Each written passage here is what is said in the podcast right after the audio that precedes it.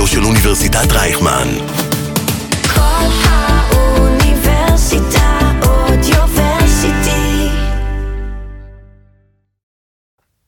שלום לכל המאזינים והמאזינות, כאן איתכם ראו מחול ואלון צינמון בפודקאסט ההון סיכון. בפרק של היום אנחנו מארחים את יוטפת הראל בוכריס, שותפה מנהלת בקרן ההשקעות בלמברג קפיטל, שמשקיעה בסטארט-אפים בשלבים מוקדמים. יוטפת משקיעה בחברות טכנולוגיות בתחומים שונים מזה שנים רבות, ויועצת אסטרטגית ודירקטורית בחברות פרטיות וציבוריות. כיום מכהנת כדירקטורית בנק דיסקונט ובחברת ידע, חברה למחקר ופיתוח של מכון ויצמן, וכן חברות פורטפוליו מטעם בלמברג קפיטל. כיהנה שמונה שנים כנציגת ציבור בבית הדין הארצי לעבודה, ולאחרונה סיימה את תפקידה כחברת ועד מנהל בעמותת מעוז לאחר עשר שנים. אה, והיא אימא לשלושה בנים. במסגרת הפרק דיברנו על הדרך המטורפת שיוטפת עשתה, על שילוב הנשים בתעשייה ואיך אפשר לקדם את זה יותר. דיברנו על המצב בישראל, מה היא חושבת השפעת הרפורמה תהיה על חברות שהיא משקיעה בהן, ועל המשקיעים שלה והשותפים. יהיה מעניין, אז יאללה, ג'ינגל ו... מתחילים. הון סיכון, הון סיכון, מאחורי הקלעים של עולם ההשקעות בסטארט-אפים.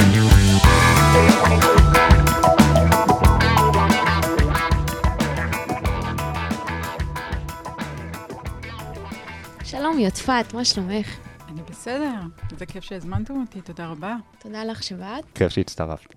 אה, ספרי לנו קצת עלייך. מי את? אז אה, זה שאני בהון סיכון אתם כבר יודעים. אה, אני בהון סיכון כבר אה, כמעט 30 שנה. וואו. כשההון סיכון היה בחיתוליו. אז אה, ראיתי אותו גם בשנות משבר וגם בשנות שגשוג, וגם בשנות בלבול, וגם בשנות בועה, וגם בבועה שהתפוצצה. אה, אז יש לנו על מה לדבר היום. אז נתחיל מה, מההתחלה. יאללה.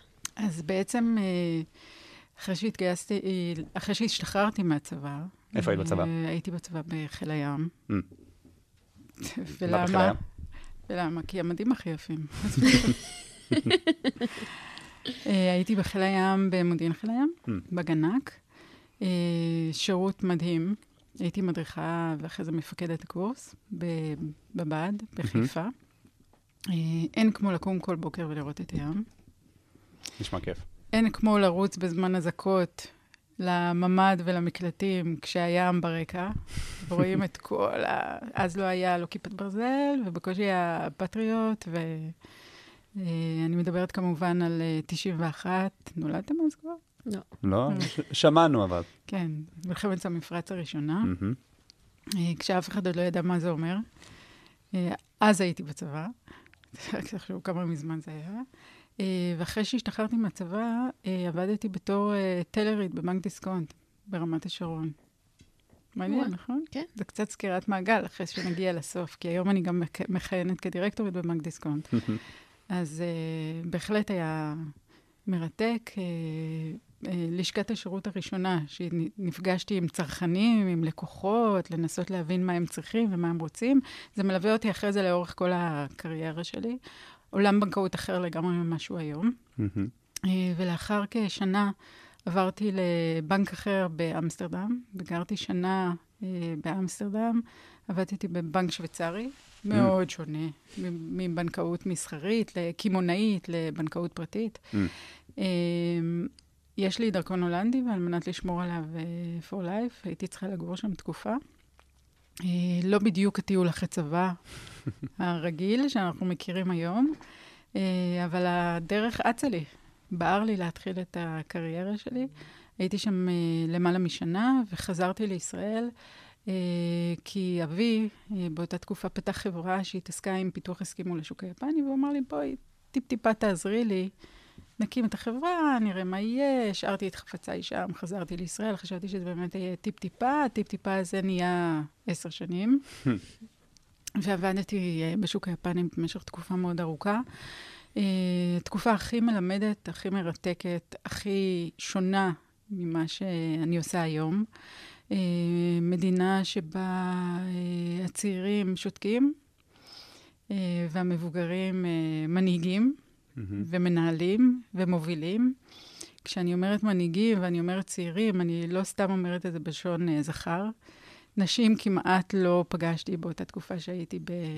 ביפן, רק בשלהי העשר שנים האלה התחיל, התחלתי לראות קצת יותר נשים בעמדות uh, ניהוליות ובעמדות שהן uh, לאו דווקא מזכירות ואדמיניסטרציה. מהמם. אה, אבל בהחלט זו הייתה תקופה מרתקת. תקופה שבה למדתי מהי אה, סבלנות עסקית, ותקופה שלמדתי דיוק עסקי.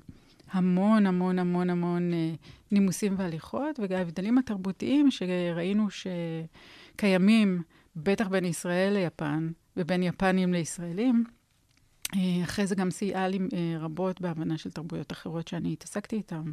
האירופאים, בתרבויות השונות, אומרים אירופה, בכל מדינה יש לה את התרבות שלה, אה, וגם בארצות הברית, שזה מה שאני עושה היום. חלפו, עברו להם עשר השנים האלה, והגעתי למסקנה שצריך לפרוס כנפיים ולא לעבוד יותר עם, בעסק המשפחתי, והצטרפתי לחברת אורבוטק, שבזמנו אה, הייתה אחת הלקוחות של החברה, וניהלתי את קרן ההון סיכון של אורבוטק, corporate venture uh, arm של uh, חברה טכנולוגית ישראלית, אז אחת הגדולות שהיו בשוק. בטיימליין, איפה אנחנו? באיזה שנה? אנחנו כרגע דילגנו עשר שנים, אנחנו ב-2004. מהמם, מהמם. ולימודים? התקדמנו מהר. תוך כדי, תוך כדי. תוך כדי, תוך כדי, uh, עד 2004 כבר היה לי תואר ראשון ושני, או, וואו. וואו. כן? ושני ילדים. וואו. כן. Uh, את צודקת, דילגתי על זה, זה נראה לי כזה נורא obvious. uh, כך גם הקריירה שלי נראתה בהתחלה. הכל היה במקביל, להספיק לעשות המון המון המון המון המון, uh, ולא לוותר על שום, uh, על שום משוכה. דילגתי על כולן, חלקן uh, הייתי צריכה להתמודד איתן והיו קצת יותר קשות ומאתגרות, אבל כן, למדתי תואר ראשון בממשל, כלכלה ותקשורת בבר אילן. אה, תואר שני בברדפורד אה, באנגליה ובישראל, הייתה להם שלוחה. הסיבה המרכזית שבחרתי ללמוד שם, כי בזמנו זה היה התואר, ה- אה, התואר היחיד במנהל עסקים שלימד באנגלית. בישראל, וואלה, וואו. כן. לפחות התקדמנו קצת כן. זה מצחיק שאתם אומרים וואו על זה, אבל אז כן. בשנת 2000, 99, 2000, לא היו תארים בישראל כמעט ש... שלימדו בשפה האנגלית. עסקים עושים רק באנגלית. מהמם. אין שום סיבה ללמוד לא סטטיסטיקה ולא מקרו ולא מיקרו ולא מתמטיקה ולא התנהגות ארגונית ולא אה, אה, שאר המקצועות ב- בשפה העברית, כי אחרי זה פשוט לא מתעסקים עם זה. הדבר היחיד שלימדו אותנו בעברית, והוא היה מאוד לוקאלי, היה דיני חוזים. הגיוני. כן. למרות שהיום אני צריכה גם לדעת אה, דיני חוזים אמריקאים, ולא רק זה, בארצות הברית, כמו שאתם יודעים, כל סטייט יש לה את החוקים שלה, ובעיקר בעולמות שאנחנו מתעסקים בהם, ותכף נגיע לזה, כל הנושא של הגנת הפרטיות, וכל הנושא של אה, שוויון, וכל הנושא של אה, מגדריות, וגיוון תעסוקתי, יש לו חוקים משלו בכל אחת מה states האלה, ואנחנו נאלצים אה, ללמוד את זה ולהתמודד עם זה כמעט בכל חברות הסטארט-אפ שלנו היום. ואנחנו נרחיב על זה כן. עוד אה, בהמשך. כן, בהחלט. אמ, אז אנחנו ב-2004, כבר אחרי שני משברי הייטק. אנחנו מדברים על המשבר של 2000 והמשבר של 2003. שתי מלחמות מאז שדיברנו קודם, 91 ו-2003. אינתיפאדות באמצע, והתחום העסקי בישראל הולך ומתקדם קדימה. ואני בכוונה מציינת את זה, כי עם כל האתגרים האלה, אה, שוק ההייטק הלך והתפתח, הרבה בזכות הממשלה באותן שנים. קרנות יוזמה, קרנות uh, שנתמכו על ידי uh, uh, משרד הכלכלה, משרד האוצר. אז היה מסחר ותעשייה, היום השם הזה כבר לא קיים. אה, סייעו מאוד אה, להשקיע ב, אה, בחברות הזנק, עתירות ידע קראו להם בזמנו. אז המושג סטארט-אפ עוד לא היה שגור בפינו כל כך, אה, ובהחלט התחילה להתפתח פה תעשייה. צ'ק פוינט הוקמה בתחילת שנות ה-90, ולאט לאט לאט נהייתה פה תעשייה, תעשייה מאוד מאוד מעניינת. בשנת 2000 ו-2003 כבר היו פה הרבה חברות אה, הייטק בתחומים שונים. אה, המילה סייבר התחילה להיכנס לדרגון, אוקיי? האבטחת מידע, הגנה וכולי. אה, והתעשייה הזו התחילה כמובן אה, להתפתח ולשגשג. אה, מי כמוך, אלון, מכיר את זה היום מקרוב. הייתי באורבוטק אה, כשנתיים, השקענו בארבע חברות, אחת מהן הפכה להיות ציבורית באותה תקופה, ואז הגענו למסקנה שבעצם corporate אה, VC בישראל זה המצאה קצת פחות טובה. מאז זה השתכלל מאוד, אתם יודעים שיש בארץ למעלה מ-400 מולטינשיונל קמפניז, שחלקן בהחלט uh, בעלות uh, corporate venture arms מאוד מאוד מוצלחים, אבל באותה עת, בשנת, בתחילת שנות האלפיים, uh, חברה שרצתה, שמבינה בתחום ההשקעה ורצתה להשקיע, קבעה ולואציה ובעצם uh, כיוונה את כל שאר המשקיעים הפיננסיים שרצו להשקיע במיזם. אה, במידה והחלטנו לא להשקיע, החברות האלה חשבו שאנחנו בעצם גומרות להם את הביזנס, וכך באמת היה. ולכן השיקולים הפנים-חברתיים לפעמים סיכלו אה, אה, רעיונות של חברות שהן היו חברות טובות, ללא כל קשר בעצם ליכולת של אה, אורבוטק להשקיע או לא להשקיע בחברה, אלא להתאמה האסטרטגית של החברה למה שהחברה הייתה צריכה באותו זמן. ולכן ההמלצה שלנו הייתה בעצם לסגור את ה-CVC ולהשקיע mm-hmm. בחברות באופן אה, הזדמנותי, אם, אה, אם אפשר לקרוא לזה כך. עם איזה והייתי- כסף? של ה corporate. אך ורק של ה corporate. ואז אה, הייתי בטוחה שייפרדו ממני לשלום, כי הרי לשם כך התכנסנו. ההבנה שלי באופטיקה או ב semiconductors, בוא נגיד, לא הייתה עמוקה מאוד. בשלהי התקופה כבר הבנתי הרבה יותר כמובן, אבל כשהצטרפתי זה היה בעיקר בגלל הנושא העסקי, אוקיי? איך משקיעים, מה משקיעים, כיצד ניתן לקחת את זה למקומות אחרים בעולם, אפרופו מה שדיברנו על יפן אה, לפני אה, מספר דקות. ואז אה, ביקשו ממני להישאר ולהקים אה, חטיבה רפואית. אה, להתחיל לרכוש חברות ברחבי העולם, בעצם להקים שרשרת ערך חדשה שתנצל את היכולות הטכנולוגיות של אורבוטק לכדי אה, מערכת שלמה. זאת אומרת, ליצור אה, מכשיר חדש לדימות רפואית. מהמם. לימים החטיבה הזו, העיסוק הזה של החברה נמכר ל-GE, אה, ואני אה, התקדמתי קדימה. הצטרפתי לחברת אה, תמרס, שבעצם הייתה בבעלותם של אה, משפחת אה, זבלדוביץ', ובעצם ניהלתי את החברה במשך עשר שנים. אני הולכת בחלקים של עשר, אוקיי? אה, החברה אז התעסקה במלונאות, בניהול בתי מלון, בנדל"ן, בנכסים מאוד גדולים, ואנחנו הקמנו זרוע חדשה שהייתה בעצם השקעה בהון סיכון. מהמם. בחברות שונות ומגוונות, כשהרעיון המנחה היה, שזה היום מאוד דומה ל-private equity ממש, אה, השקעה בחברות שיכולות להניב תשואה אה, בתקופה שבין 4 ל-6 שנים, בפי 3 עד 5 מגובה ההשקעה. כלומר, זה היה המוטו שלנו, והייתה לנו את החירות לה- להשקיע בכל תחום שרק רצינו, שזה כמעט dream job, נכון? אז השקענו בהמון חברות, בכמה מאות מיליוני דולרים. אה, וכשאני אומרת מגוון, זה היה באמת מגוון. השקענו בכנפיים, שהיא חברת האם של אל על, וגם כיהנתי כדירקטורית באל על אה, באותן שנים. השקענו בחברת תרופות. אה, פרוטליקס שלימים קיבלה FDA ונהייתה חברה ציבורית, וגם שם כיהנתי כלמעלה מעשר שנים, גם אחרי שעזבתי את אה, תמרס. השקענו בכבל התת-ימי שנפרס בין ישראל לקפריסין, אז כך שאתם יכולים לראות שזה מאוד מאוד מאוד מגוון, ובחברות שונות, בתחום של אה, תקשורת, IT, network, אה, mobile, סייבר, אה, אז כך שבאמת זה היה כמו, כמו לעבוד בחנות אה, ממתקים. לבוא ולבחור את הטוב ביותר מכל תעשייה ומכל תחום, עם צוות מאוד מאוד מוכשר. אה, בתום העשר שנים עזבתי את החברה בכל תרועה רמה, אה, על אה, רקע של אה, אה, בונוס שהגיע לעובדים ו- ולי. אה, התקיימה בוררות, זה מופיע בכל העיתונים, זה יכול להיות sequence טוב ל- לניהול משברים בפעם אחרת. אה, ואז כמובן עזבתי, עזבתי את החברה והתקדמתי הלאה. על איזה אה, שנה אנחנו אנחנו? כבר מדברים, אמרנו עשר שנים, אנחנו כבר ב-2014. 14. יפה. כן. אז ב-2014, שוב, תעשיית ההייטק נראית שונה לחלוטין. אנחנו מדברים על uh, תעשייה מאוד מורכבת ומשוכללת כבר, עם המון המון מולטינשיונל שפועלים פה בישראל. Uh, אנחנו מדברים על uh, שנה ששוב יש בה משבר ביטחוני במדינת ישראל, שהוא כמובן מאוד משפיע. אנחנו מדברים על תקופה שהיא אחרי uh, רצח רבין בהרבה שנים, שגם לזה יש איזשהו מוטו מלווה. אה, ותעשייה פועלים פה כל כך הרבה גופים זרים כבר. אה, קרנות הון סיכון, CVC, כפי שהזכרנו קודם, אה, ההתחלה של גוגל בישראל, פייסבוק בישראל, מטא, סליחה, אמזון עדיין לא, אבל בחיתוליו, אם אני לא, אם אני לא טועה, ובהחלט, בהחלט, בהחלט, אנחנו רואים פה תעשייה שונה לחלוטין. המון יזמים צעירים. אה, שמעיזים ופותחים סטארט-אפים והרבה יותר משוכללים. זה כבר המחזור הראשון של היזמים שהשקיעו בו, שמתחיל לעשות אקזיטים ומתחיל לחשוב כבר על המיזם הבא.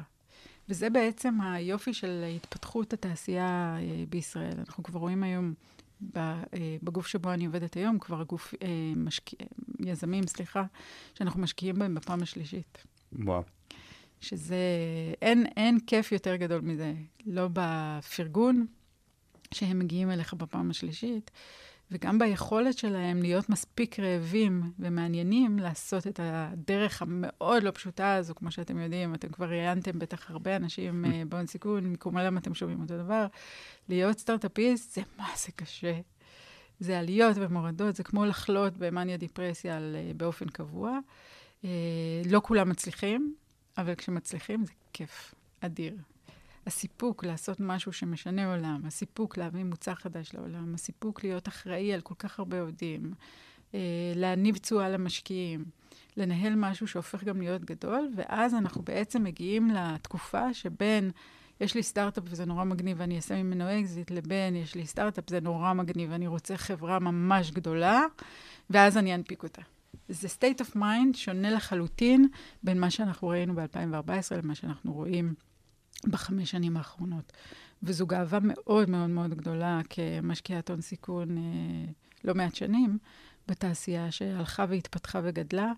אה, ואני חושבת שמגיע שאפו ענק אה, גם למשקיעים האחרים, שהם מתחרים נעימים שלי, וגם, אה, וגם ליזמים שהם הצליחו לעשות את מה שהם עשו.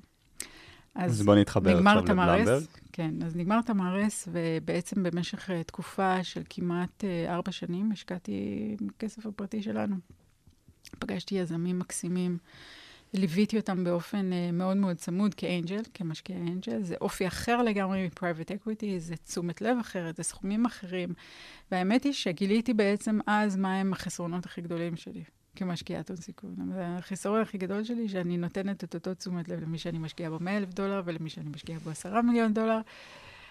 ויש כאלה שרואים בזה חיסרון מאוד גדול, אבל it is what it is, כלומר, אי אפשר, אה, אני לא יכולה לשנות את זה, ובעצם אה, יש לי חברה מאוד טובה שהיא מרצה באוניברסיטה אחרת, שלא נציין את שמה, שתמיד אמרה לי שהתשומת לב שלנו הולכת תמיד לילד הפחות מאושר שלנו. עוד אין לכם ילדים, אבל תחשבו על זה. כך זה גם עם סטארט-אפים. כל הסטארט-אפים הם בני משפחה. ותמיד שיש סטארט-אפ במצוקה, או יזמים שצריכים את העזרה, או אה, קורה משהו ביניהם, או משהו עם המוצר, או רוצים לעשות פיבוט, כל התשומת לב באופן אוטומטי אה, מופנית כלפי אה, אותם יזמים באותו סטארט-אפ, וכך אה, עשיתי כמשקיעה פרטית, עד שבעלי הקים את הקרן שלו. אה, וכבר לא יכולתי להשקיע במה שרציתי, כי הרי לא עושים cherry picking בתעשייה, זו תעשייה כל כך קטנה. אה, והחלטתי שאני מצטרפת לבלומברג. אה, במקביל, עוד לפני שהצטרפתי לבלומברג, הצטרפתי ל board של בנק דיסקונט ב-2016. אני מכהנת שם כבר כמעט שבע שנים, ובשש שנים האחרונות אני גם יושבת ראש ועדת סייבר וחדשנות של הבנק. שזו אחריות אה, מאוד מאוד מעניינת ומרתקת, במיוחד בתקופה שבה אנחנו נמצאים, שיש טרנספורמציה כל כך גדולה, הן במובן הדיגיטלי והן בכל התחום של סייבר, מעבר לענן, אה, דרישה של לקוחות, הלקוח במרכז, כל עולם החשיבה השתנה בעולם הבנקאות, ויש לי את הזכות להיות חלק מהדבר המדהים הזה. אמ, כיהנתי כנציגת ציבור מעסיקים בבית הדין הארצי לעבודה, שזה משהו אחר לחלוטין. ובמקביל להכל, ודירקטוריונים נוספים, כמו מכון ויצמן וקסטרו ואחרים, אבל במקביל להכל, אה, שזה משהו שאני מאוד מאמינה בו, זה שחייבים להיות אה, פעילים גם בתחום החברתי, ובעשר שנים האלה גם אה, כיהנתי כדירקטורית במעוז, שהוא... שהיא בעצם עמותה שמקדמת אה, דיאלוג או טריאלוג, הייתי אומרת, בין המגזר העסקי הממשלתי והמגזר הפרטי לצמצום פערים חברתיים-כלכליים במדינת ישראל, תוך יצירת שפה שלמה חדשה של ממלכתיות ושוויון. אה, אפשר לדבר על זה יום שלם, זה לא כל כך הון סיכון, אבל אני מאמינה שבסוף הכל מתחבר אחד לשני. אנחנו לא יכולים להיות משקיעים טובים, אנחנו מנותקים מהקהילה שלנו ומהחברה שאנחנו פועלים. אנחנו לא יכולים להבין יזמים טוב, אם אנחנו לא מבינים את הקהילה שבהם הם פועלים, ואת הקשיים שלהם, ואת הרקע שלהם, ומאיפה הם באים, ולתת הזדמנות אה, ליזמים ממקומות שונים, בחיבורים שונים. אה, אני מאוד מאוד מאמינה בגיוון בסטארט-אפים שאני עובדת בהם. לצערי זה לא תמיד מסתייע, אבל בהחלט אנחנו, אני דוחפת לזה, ואנחנו כצוות היום אה, שם את זה כדגש. אז, אז גם בזה אנחנו נגיע ניגע. עוד מעט. אז ב-2018, בשלהי 2018 הצטרפתי לבלמברג, אה, שכבר פעילה בישראל עשרות שנים. הקרן הוקמה בשנת 91 על ידי דיוויד בלמברג. בזמנו הוא עבד בצ'ק פוינט. הזכרנו אותה קודם. אה, והחליט שהוא אה, פותח את הקרן, יחד עם, אה, בתחילה עם משפחת רוטשילד, ולאחר מכן נוספו עוד הרבה משקיעים נוספים. היום אנחנו פועלים מהקרן החמישית, מנהלים כמיליארד דולר בישראל, בעולם, והקרן משקיעה בישראל, בצפון אמריקה, זאת אומרת ארה"ב וקנדה, וקצת באירופה. בכל מה שקשור לסופטוור B2B. כלומר, אנחנו נשקיע אך ורק בתוכנה, אנחנו נשקיע על פי רוב 99.9 אחוזים בדברים שהם אך ורק פונים לעסקים אחרים, אה, ונתמקד בסייבר, פינטק, digital health, supply chain management, נכון? בפודקאסט של הון סיכון אפשר לעבור מעברית לאנגלית, נכון? חופשי. זה חופשי, זה חוקי. אוקיי.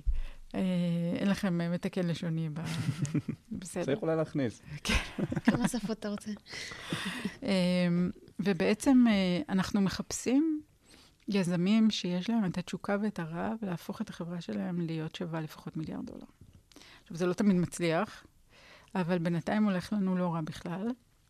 אנחנו מחפשים יזמים חדשים, צעירים, אה, אנחנו מחפשים יזמים ותיקים, מנוסים, אנחנו לפעמים יוצרים צוותים, אנחנו מחפשים יזמיות אה, שרוצות להצטרף לצוותים או להקים צוותים בעצמם. אמ, ואנחנו פוגשים יזמים מכל מיני סוגים, אה, מכל מיני מדינות, מכל מיני ארצות, בכל, בכל מיני גילאים, ואיכשהו היופי שאנחנו מפגישים ביניהם הוא שתמיד נוצר איזשהו חיבור. יש משהו בחיידק היזמות, שאני בטוחה שאתם כבר מכירים אותו, שהוא אה, סוג של DNA אחר. זה אנשים שבנויים אחרת, אנשים שהם מאוד מאוד מאוד סקרנים, מאוד מאוד מאוד... אה, אה, אה, משוועים למידע נוסף, לידע נוסף, אה, ללמוד מניסיון של אחרים. לא יושבים. לא יושבים לרגע, חלקם אפילו היפראקטיביים, את צודקת לגמרי. אה, אבל זה מה שעושה את זה כל כך מעניין ומיוחד. והיכולת שלהם לעבוד בצוות, היא בעצם היכולת שלהם להצליח בסטארט-אפ שלהם. אז שנייה לפני שאנחנו עוד אה, צוללים לעוד כמה נושאים שאנחנו ב- היום הולכים לתקוף בצורה שהיא מאוד uh, ישירה, ואפילו אפשר להגיד חדה. Uh, אני כן הייתי רוצה שנייה שנתייחס uh, למעבר או לערך המוסף, או added value, כמו שנהוג אצלנו כן. בפודקאסט.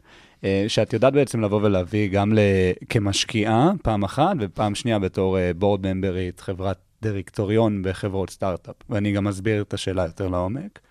בסוף את הבאת ומביאה איתך ניסיון שהוא מחברות מאוד מאוד גדולות, חברות אה, גם לא בהכרח טכנולוגיות, אה, מכהנת בתור אה, דירקטוריונית, בין אם בהווה או בין אם בעבר.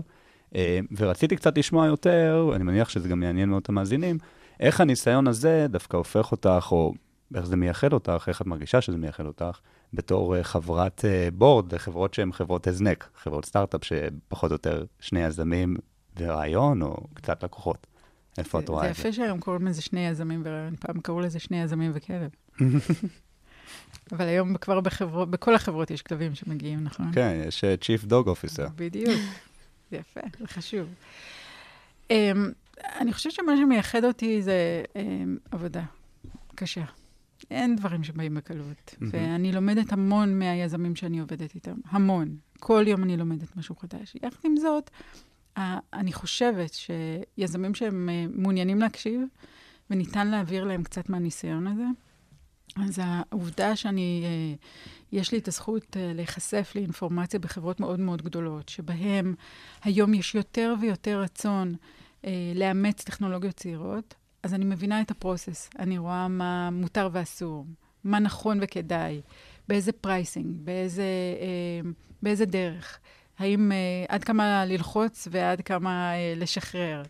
אה, מי חותם על איזה דרג, כדי שאפשר יהיה להכניס מוצר ביתר קלות, ולא להתחיל לעבור עכשיו ויה דולורוזה של חתימות של מורשי חתימה, על מנת להטמיע איזשהו מוצר, או להטמיע איזשהו רעיון, או איזשהו, איזשהו אה, אלפא. Mm-hmm.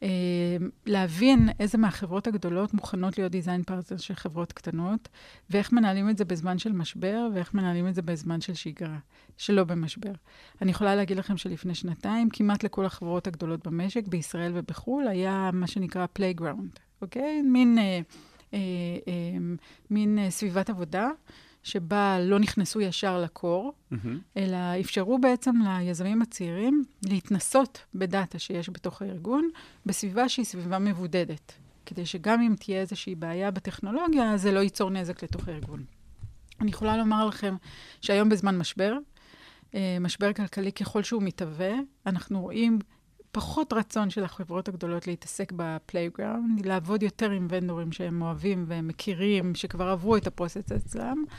ולכן העובדה שאני מכירה את התהליכים האלה, והעובדה שאני יושבת בחברות הגדולות האלה, אני לא דוחפת אף פעם חברות שלי לחברות הגדולות, זה גם לא נכון, זה גם אסור, וזה גם יוצר אה, פער מאוד מאוד גדול בציפיות, גם mm-hmm. של היזמים וגם של החברות הגדולות, ולכן אני נמנעת מלעשות את זה. אבל הידיעה של מתי להרפות, מתי ללחוץ, עם מי לדבר, מי מקבל את ההחלטות, היא בעצם מאוד עוזרת לי כשאני יושבת בדירקטוריונים של חברות הטכנולוגיה, שבהם אנחנו משקיעים, כדי לבנות איתם את אסטרטגיית החדירה לשוק. Mm-hmm. כשאתם בטח כבר מכירים את זה, כשמשקיעים ב-early stage, כמו שאנחנו משקיעים, ומתחילים בשלב מאוד מאוד ראשוני, מה שלנו חשוב כמשקיעים, לראות שהיזמים העיזו, הרימו טלפון, הלכו להיפגש ונפגשו עם עשרות CISO, CIO, CMO, CFO של חברות, כל אחד והרלוונטי למוצר שלו, ואמרו להם את הדבר הבא: אם וכאשר יהיה לי את המוצר הזה והזה, האם אתה תהיה או את תהיי מוכנה להטמיע את המוצר או לקנות אותו? Uh, במידה והייתם מוכנים לקנות אותו, באיזה מחיר הייתם מוכנים להשקיע? זאת אומרת, יש סט של שאלות שאנחנו מצפים שהיזמים שאנחנו משקיעים בהם ישאלו את אותם ביג קורפורייטס, mm-hmm. כמו שאנחנו קוראים להם, ולקוחות פוטנציאליים, על מנת להטמיע את המוצר. העובדה שאני מכירה את שני הצדדים, עוזרת לי מאוד לכוון אותם למי לדבר ומתי לדבר וכמה לדבר. ואנחנו יוצרים בבלמברג, אחד הדברים היפים שיש, שגם עזרו לי להצטרף, יש לנו קבוצה של 160 uh, CISO, CIO, CMOs uh, של החברות הכי גדולות בעולם, mm-hmm. uh, דיסני ו-PMG ו-H&M ו-IBM וגוגל ואמזון ומורגן סטנלי, JP מורגן, באמת חברות ענקיות, שדרכם אנחנו בעצם מסייעים לחברות להבין איך השוק uh, עובד, למי אפשר uh, למכור, uh, מה אותם, uh, אותן חברות גדולות מחפשות. אז כך שהשלמת המידע הזה היא סופר קריטית אה, ליזמים בשלבים ראשונים, ודרך אגב, זה לא משנה אם הם מנוסים או לא מנוסים. כל סטארט-אפ יש לו את המוצר שלו, את הכיוון שלו, והוא צריך את הנטוורק והקשרים הייחודיים mm-hmm. למוצר הספציפי הזה. אז אני חושבת שזה מסייע לי קצת לתת להם אה, ידע וניסיון אחר. Uh, במהלך השנים גם עשיתי קורס uh, גישור, גם כללי וגם עסקי. אני חושבת שאולי גם זה קצת מסייע. במקרה וזה... וצריך. במקרה וצריך. אתה יודע, אם יש איזה יזם או יזמת שרבים אחד עם השני, לא שזה קורה אף פעם, אבל uh, אתה יודע, תעודת ביטוח. אז אני חושבת שגם זה היכולת ללחוץ כשצריך ולהרפות כשצריך. לא רק ללקוחות, אלא גם בשולחן הדירקטוריון. זה גם סוג של אומנות שלומדים אותה עם השנים. ועל מנת שנוכל אה, לגדל ולחנך את הדור הבא אצלנו בקרן, לכל אה, דירקטור יש אה, מה שנקרא Shadow Board Member, שהולך איתו לכל הישיבות דירקטוריון ועושה את כל הפולו-אפ הנדרש מול היזמים, כי בסוף ההשקעה שלנו באנשים, הן בסטארט-אפים והן בצוות שלנו, היא מה שעושה אותנו מוצלחים או מוצלחים פחות. מהמם. אז רגע, בואו נעשה סיכומון על הדרך. Uh, התחלת בבנקאות, uh, אה, עסק משפחתי, קרנות, אינג'ל, קרן. נכון? זה ב... ב- לצד ב- עבודה כן. בדירקטוריון, עמותות. ברור, ברור, ועוד, אה, ועוד מיליון דברים. כן, לצד בנקאות וקורס כל גישור. הזמן. וקורס גישור, זה מאוד חשוב. נכון. אז- אה, וה- ושני ילדים? שני ילדים, שלושה כבר. שלושה. עד, כאילו, ושני עד, תארים. עד היום בבלאמר כבר שלושה. ב-2012 ילדתי את הבן הקטן שלי, אז uh, יש לי אחד שהוא ממש שנקרא בן זקונים, uh, וזה כיף גדול. ממש. נראה אה, לי זה הזמן קצת יותר... לצלול, כן, כן. לגמרי. אה, אני אקח את זה לכיוון קצת יותר אישי. אה, איך היה לך להיות אישה בעולמות האלה? אז גם את זה צריך לחלק לתקופות. אה, אני חייבת לומר שבתקופה שעבדתי ביפן, זה היה הכי קשה. אה, גם מכיוון שהייתי צעירה, וזו חברה שהיא יחסית אה, שוביניסטית, אם יורשה לי לומר, או פחות מקבלת, או היום כבר זה קצת השתנה, אבל פחות קיבלה בזמנו נשים שהן נשות עסקים. התפקידים בעיקר היו תפקידים אדמיניסטרטיביים, וכשנסעתי עם אה, אבי לפגישות, באמת סחבתי לו את התיק, הלכתי שני מטר מאחוריו, וישבתי בשקט וואלה. בפגישות, למדתי ממנו כמעט הכל, סיכמתי ממש כמו קצרנית. אבל בסופו של דבר, אה, ודרך אגב, זה נורא מעניין, אה, מי שמתעסק קצת עם התרבות היפנית, מבנה הישיבה על השולחן הוא שונה לגמרי ממה שאנחנו רגילים. הבכיר ביותר יושב במרכז השולחן, ולצידו יושבים האנשים בסדר יורד לפי ההיררכיה שלהם בארגון. כשמי שיושב בראש השולחן הוא הזוטר ביותר. וואו. כן, אז אני מצאתי את עצמי הרבה פעמים בראש השולחן. אה, אז זה, זה לא היה פשוט בכלל. וגם העובדה שעבדתי בעסק משפחתי, והדוגמה שקיבלתי מאבי, שהוא באמת לימד אותי המון, אבל לא הייתה אישה אחרת בסביבה שיכולתי ללמוד ממנה, וזו התנהגות שהיא שונה לגמרי. הציפייה ממני כבת בכורה אה, היא לעשות הכל הכי טוב, הכי מהר, הכי מוצלח, הכי חזק, הכי גבוה, הכי... הייתה תוכנית כזאת פעם שהיינו ילדים. אה, והייתי כל הזמן בסוג של מרוץ, בסוג של ריצה. אה, עד היום, אני בת 50 השנה, עד היום לא עשיתי את הטיול אחרי צבא. It's אה, never too late. כן, בדיוק. אה, והיום אני עושה את זה דרך הילדים שלי. אה, וזה זה, היה מרוץ אה, מאוד מאוד אה, משמעותי ומטורף. אני חייבת להגיד שאחרי התקופה של יפן, אני לא זוכרת מקומות שבהם באמת נלחמתי על מקומי כאישה, והייתי צריכה להיעזר במישהו, או להשתמש בקלף של אפליה מתקנת. אה, או לצעוק מהקווים, אה, סליחה, למה לי לא ולמה ומגיע לי. אני חושבת שהסוד אה, של כולן צריך להיות עבודה מאוד קשה, פיתוח נטוורק, לא להתבייש להגיד שלא יודעים, תמיד להיות אה, אדיב, מנומס וחכם, להתכונן כמעט לכל דבר שעושים הרבה יותר מאחרים, ולשמור את הביצ'יות למקום אחר. אה, אני לא מאמינה בזה, לא בעסקים ולא בבית ולא אה, במערכות יחסים. אני חושבת שזה יוצר איזושהי, אה, איזושהי רתיעה ופחד, ובסופו של דבר גם אדישות והתעלמות.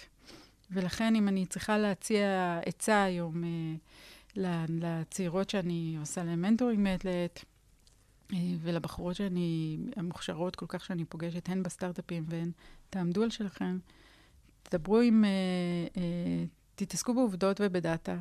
אף פעם אל תשאירו את הרגש בצד, כי זה חלק ממה שאנחנו, וזה עזר לי מאוד. דיברנו על גישור, לפעמים להגיע לפשרות בין, אה, בין יזמים ולפתור אה, אה, מקרים שהם קצת סבוכים. אגו יש בכל מקום. בין נשים לנשים, בין נשים לגברים, בין גברים לגברים, בין, בין כולם לכולם. צריך לדעת לפתור את הפלונטר הזה. אני חושבת שבמהלך השנים, שאלת מה היתרונות, אני חושבת שפיתחתי איזושהי שיטה אה, לעשות גם את זה. אה, אז הייתי אומרת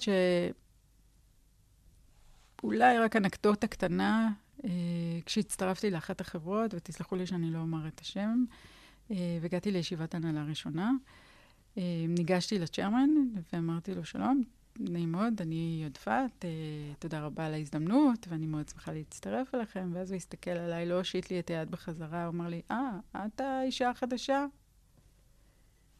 והסתובב. זו הפעם הראשונה שבאמת הרגשתי שאוקיי, אני מקוטלגת, אבל זה רק נתן לי מוטיבציה לעבוד הרבה יותר קשה. זה לא חזר על עצמו לעולם, ואז נוצרה בינינו מערכת יחסים מאוד טובה. אבל uh, כן, הרגשתי את זה, אני לא יכולה להגיד שהרגשתי את זה לעיתים תכופות, uh, ודי שמתי את זה בצד, הדחקתי את זה והתעלמתי מזה לגמרי. יפה. אז אני אולי אעשה, ניתן איזושהי שאלת המשך לדבר הזה, אה, גם כי אני הגבר היחיד בשיחה, אז אני מרגיש אפילו שזה קצת מחובתי גם uh, לשאול את הדברים האלה. אז אולי על פי מרב מיכאל היינו צריכות לדבר רק בלשון uh, נקבה. יכול להיות, יכול להיות. נעשה את זה אחר כך בעריכה. כשנתרגם. את האנגלית לעברית. אז uh, בסוף uh, גם קצת, uh, לקחנו קצת נתונים, כי כן רצינו קצת uh, לגעת בנושא הזה יותר, אז uh, יש uh, דוח של uh, Power in Diversity, שזאת... Uh, שזו יוזמה חברתית שבעצם מנסה לקדם שילוב של, נשים, של נשים בתעשייה. וקצת מהנתונים גם, אז אני ממש רואה את זה גם פה, אני כאילו רואה 34 אחוז מתוך כל העובדים בסטארט-אפים הם נשים, מתוכם רק, או לא מתוכם, 27 אחוז הם בעמדות טכנולוגיות. על אחוזים עוד יותר יורדים, שמדובר בכלל על תפקידים ניהוליים. נכון.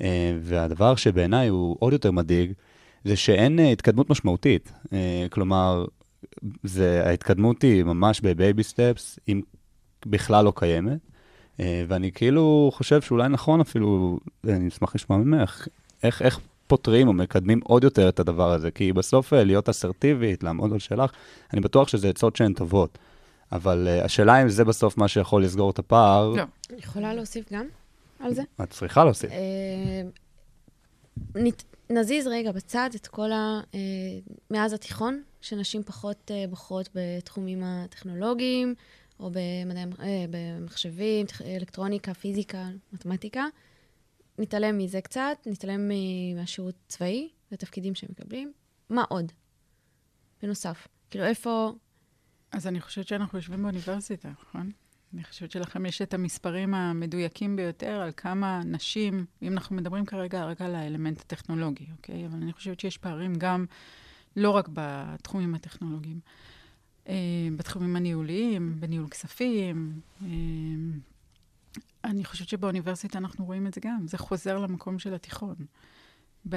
בפקולטות אה, היותר ריאליות, מדעים, אה, בתארים הראשונים והשניים יש יותר אה, שוויון מאשר בתארים שלישיים. Mm-hmm. אני לא יודעת איך זה פה באוניברסיטה, אבל אני חושבת שגם שם אנחנו צריכים לעבוד על זה קצת יותר.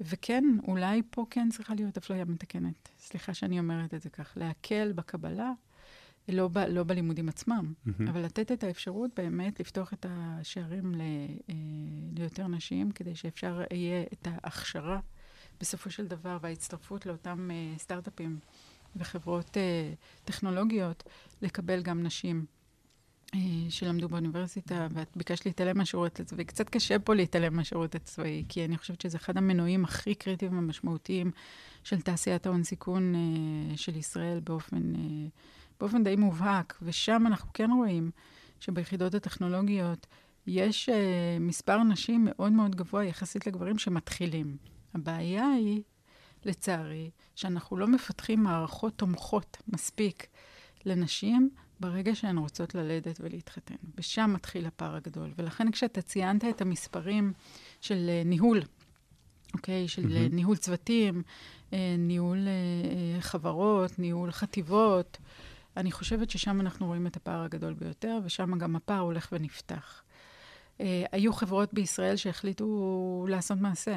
אה, שפתחו גני ילדים mm-hmm. בתוך, ה, בתוך הארגונים שלהם, שניסו לתת uh, מערכות תומכות, שעות עבודה גמישות.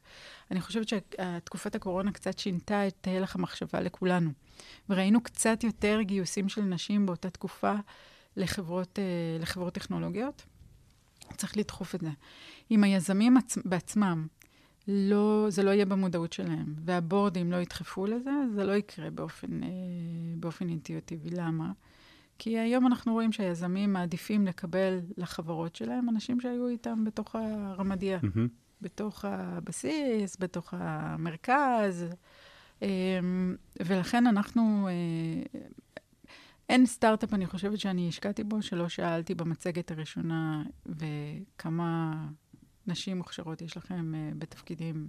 אז אתה רואה אותם, את הנשים מוכשרות מאוד, לא בתפקידי טכנולוגיה בדרך כלל, Mm-hmm. מעטות בתפקידי טכנולוגיה, וברגע שאתה שותל את זה בתודעה, אז בזמן ההשמה זה לפחות שם, וכששם קורה עם זה משהו. אה, אנחנו בקרן מחזיקים אה, באופן אה, שוטף את הנושא הזה בראש סדר העדיפויות שלנו. הצטרפה אלינו לצוות אה, שרונה מזרחי, שהייתה ראש מערך אה, כוח אדם ב-8200, Mm.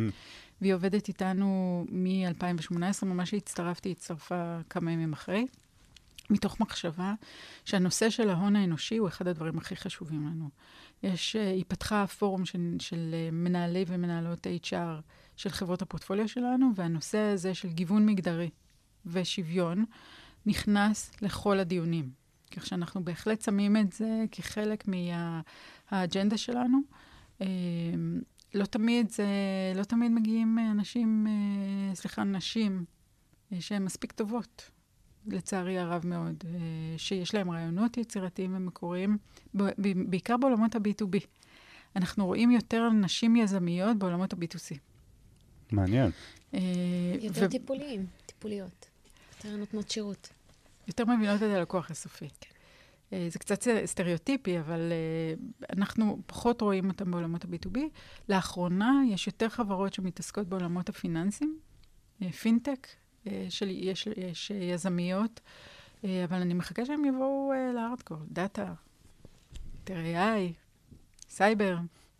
טוב, זה, אני, בוא, אני מאוד מקווה שגם uh, המאזינות uh, ששומעות אותנו, אני מקווה שזה נותן להם קצת uh, איזושהי השראה, אבל באמת, כאילו, אני חושב שזה משהו שלפחות במחוזות ובמסדרונות שאני הולך בהם בתעשייה, זה משהו שאני חושב שיש קונסנזוס די מלא עליו, לפחות ברמה הרעיונית, שזה משהו שהוא מאוד חשוב לדחוף מאוד. ולקדם.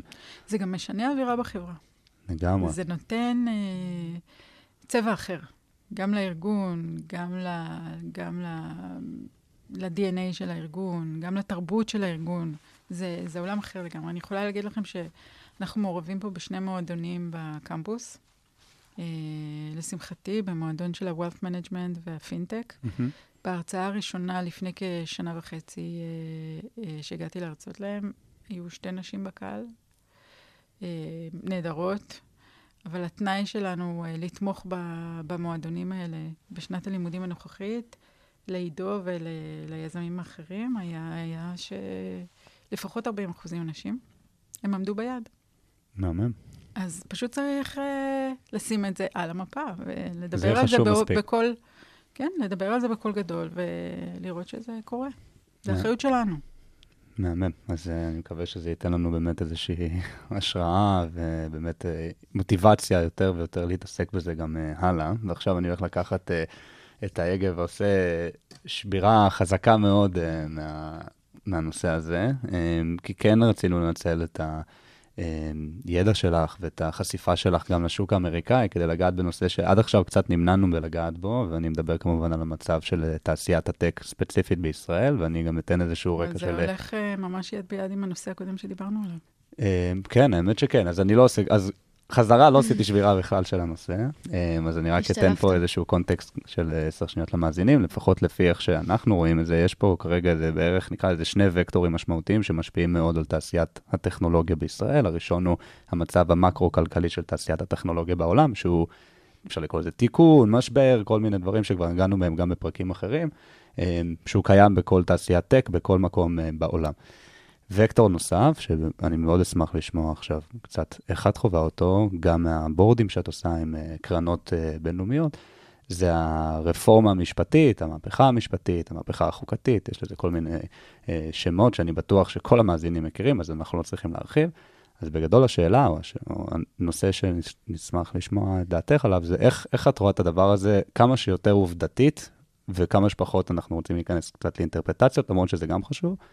ממש עובדתית, מה את רואה כרגע מהבורדים של החברות ומהמשקיעים שלכם? אז אתה צודק, אנחנו נימנע מפוליטיקה, ואני חושבת שזו פעם ראשונה באמת שאנחנו רואים משבר שכל החברה הישראלית מעורבת בו, שהוא, אה, שהוא לא באמת פוליטי. כפי שאנחנו רואים אותו, אה, בעיקר בעולם ההייטק, אוקיי? אה, אם אנחנו נקשר את זה לנושא הקודם שדיברנו עליו, אז ההפיכה המשטרית הזאת, יש לה את היכולת בעצם לפגוע, לפגוע בזכויות, אה, בזכויות הפרט, אוקיי? ומכאן, אה, מקומן של אנשים שהם 51% מהאוכלוסייה, ייפגע באופן אה, מובהק. מהמם.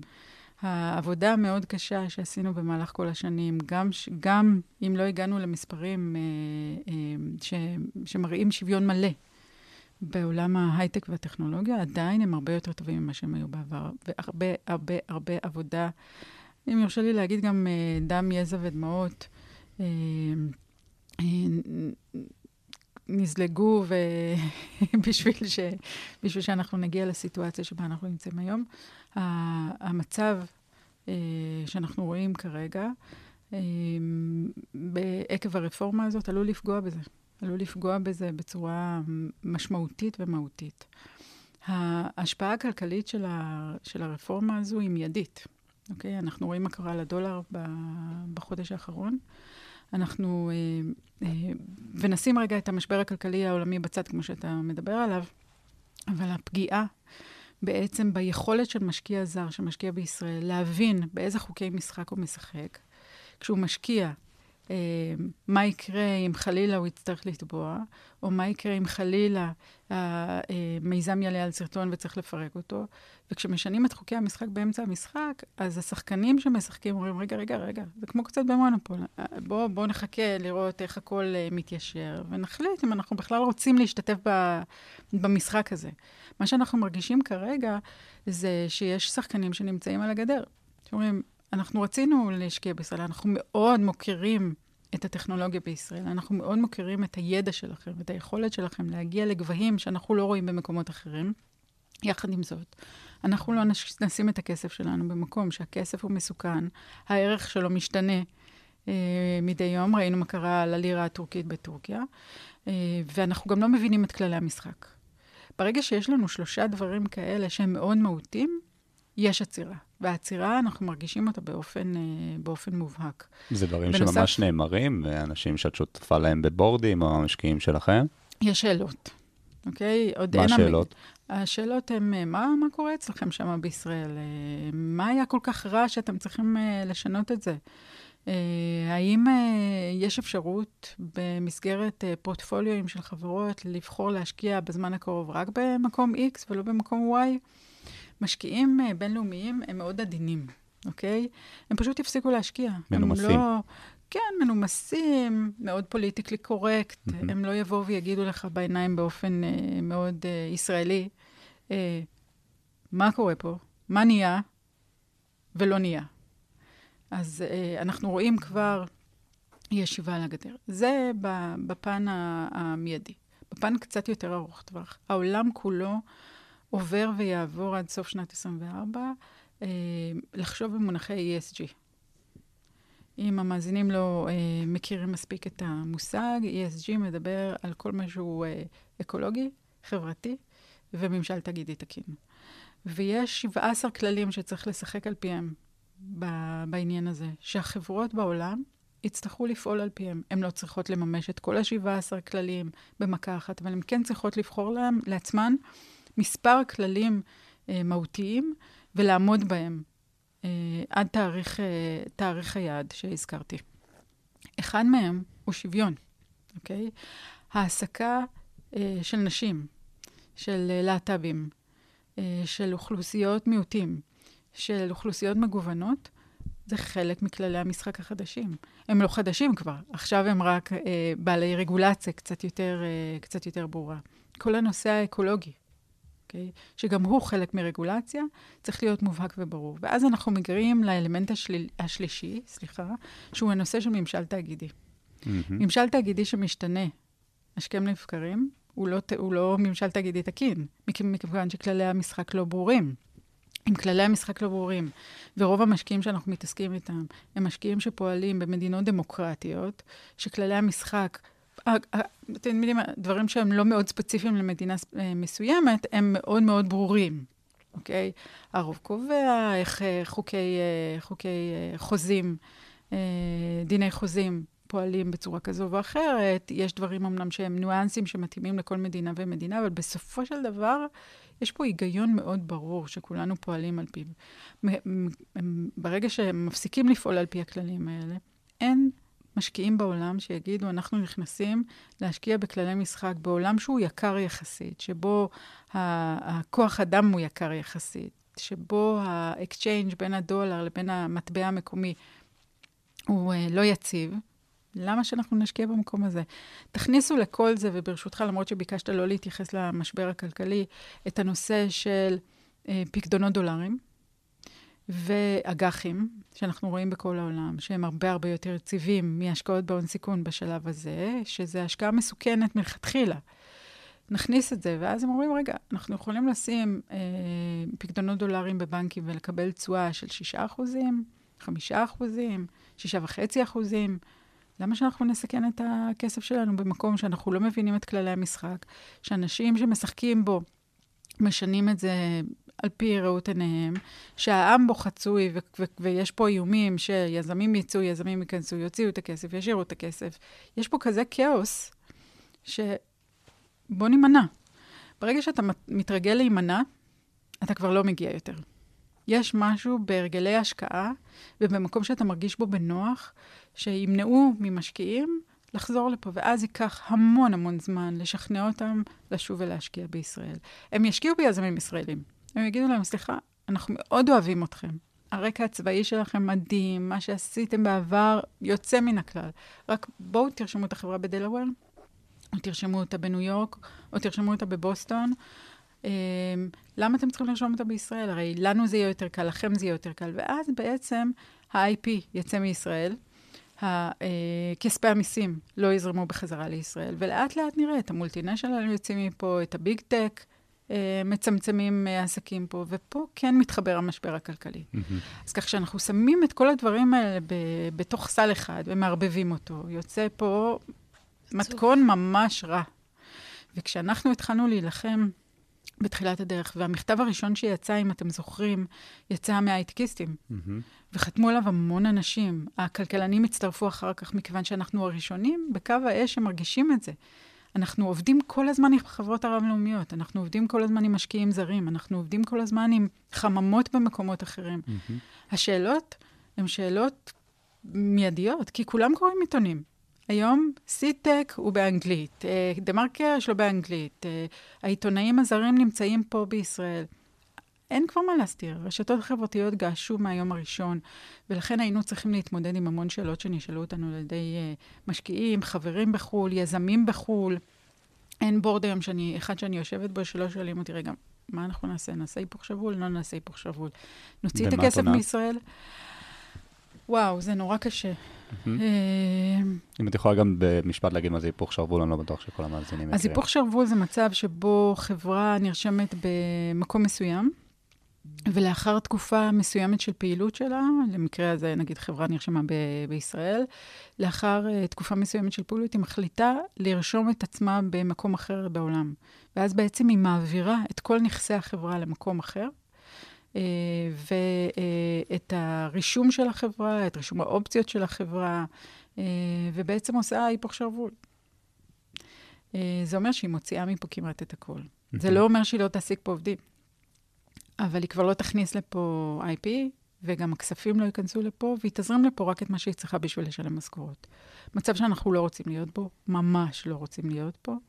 בחזרה מכיוון... לשאלה על היזמים, מה את עונה? אז תראה, אני, אני כולי תקווה שהמאמצים שאנחנו עושים יגרמו לזה שהרפורמה המשפטית, המהפכה המשטרית, או איך שתרצה לקרוא לזה, לא תצא לפועל בפורמט שבו היא מוצעת עכשיו.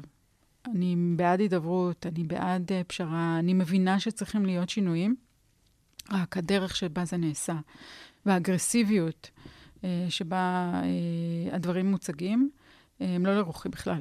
הם לא תורמים לעניין, הם לא מקדמים אותנו לשום מקום, הם יוצרים כזה בלגן ושסע שהוא מטורף. מה שאני עונה ליזמים זה בואו נלמד, אוקיי? בואו ניערך. אנחנו מקיימים פגישות עם עורכי דין, אנחנו מקיימים פגישות עם רואי חשבון, אבל נקודת הירייה, חס וחלילה, אם נצטרך לעשות אותה, היא תהיה מאוד מהירה. והיא תקרה ברגע שאנחנו נדע מה באמת הולך להיות כאן. כולם מתכוננים. אני לא אה, אה, מבקשת מאף אחד כרגע לתת את אה, יריית הביצוע, מהמם. אה, ובסופו של דבר זו החלטה של כלל הדירקטוריון והיזמים, אבל כולם מתכוננים. בהחלט כולם מתכוננים, כולם שואלים, כולם מדברים על זה. זה מטריד מאוד. בפני כולם ניצבת השאלה מתי יהיה הגיוס הבא.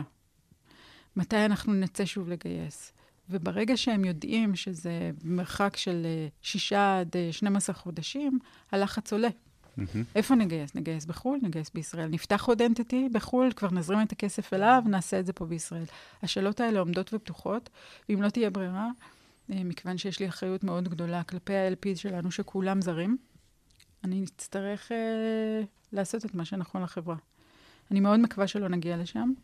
אני מאוד מקווה שאנחנו כן נצליח להגיע להידברות. אני כן רואה ניצנים בימים האחרונים לשבת סביב שולחן הדיונים ולהפסיק רגע את כל הטרפת הזאת. אני מקווה שזה יהיה יותר מניצנים, ושאנחנו באמת נראה עצירה, אה, חשיבה, הידברות, הסכמה, היערכות מחדש, ויציאה עם משהו הרבה הרבה יותר אה, מכיל, אה, שפונה לקהל רחב יותר. הלוואי. אני באמת, אה, אני כאילו חושב שסיקרת את זה בצורה מספיק רחבה, ואני כן רוצה אולי כן לסיים את השיחה שלנו באיזשהו.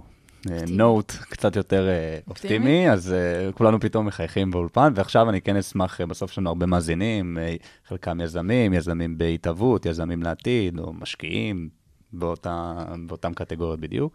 אה, אני חושב שאולי אה, שווה ש... לתת לך את הבמה, גם אולי לחלוק על איזה שהם כל מיני אה, אה, טיפים, ספרים, פודקאסטים, דברים שאת חושבת שנכון אה, להם לשמוע. יש לך את הבמה, ואני חושב שיהיה כיף לשמוע ממך. אז קודם כל, הם חייבים להמשיך לשמוע את כל האוניברסיטה, נכון? אני לא יכולה לצאת מפה להגיד את זה.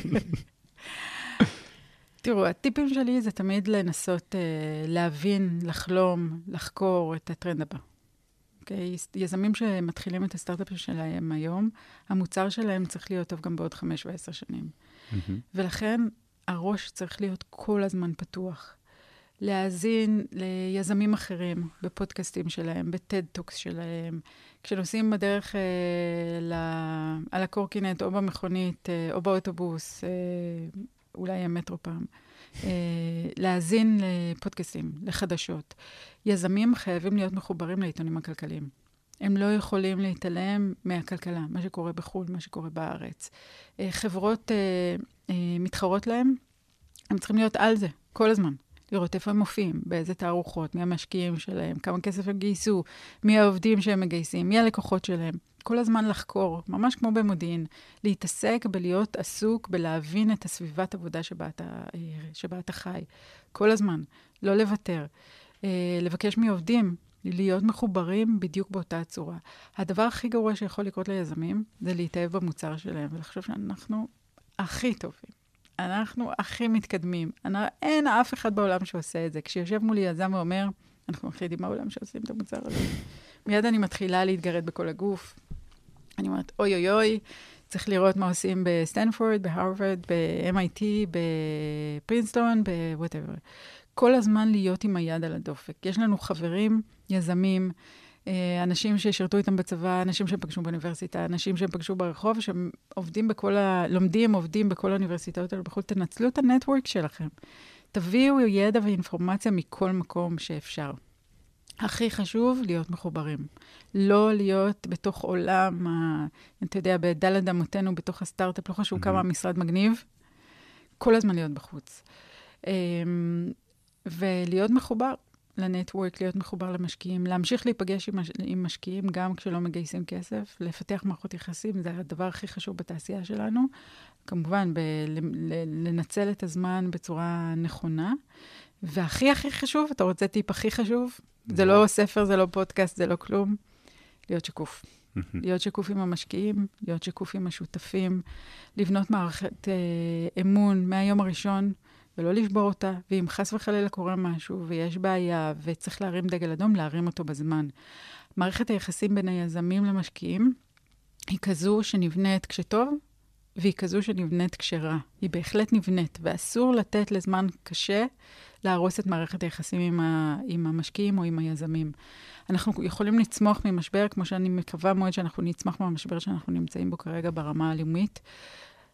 תמיד תהיו שקופים, ותמשיכו לפתח את מערכת היחסים עם ההנהלה שלכם, עם העובדים שלכם ועם היזמים שלכם, ואחרי ראונד A, צאו מהראש שאתם היזמים וכל השאר הם אה, אורחים אה, חשובים בתוך החגיגה שלכם.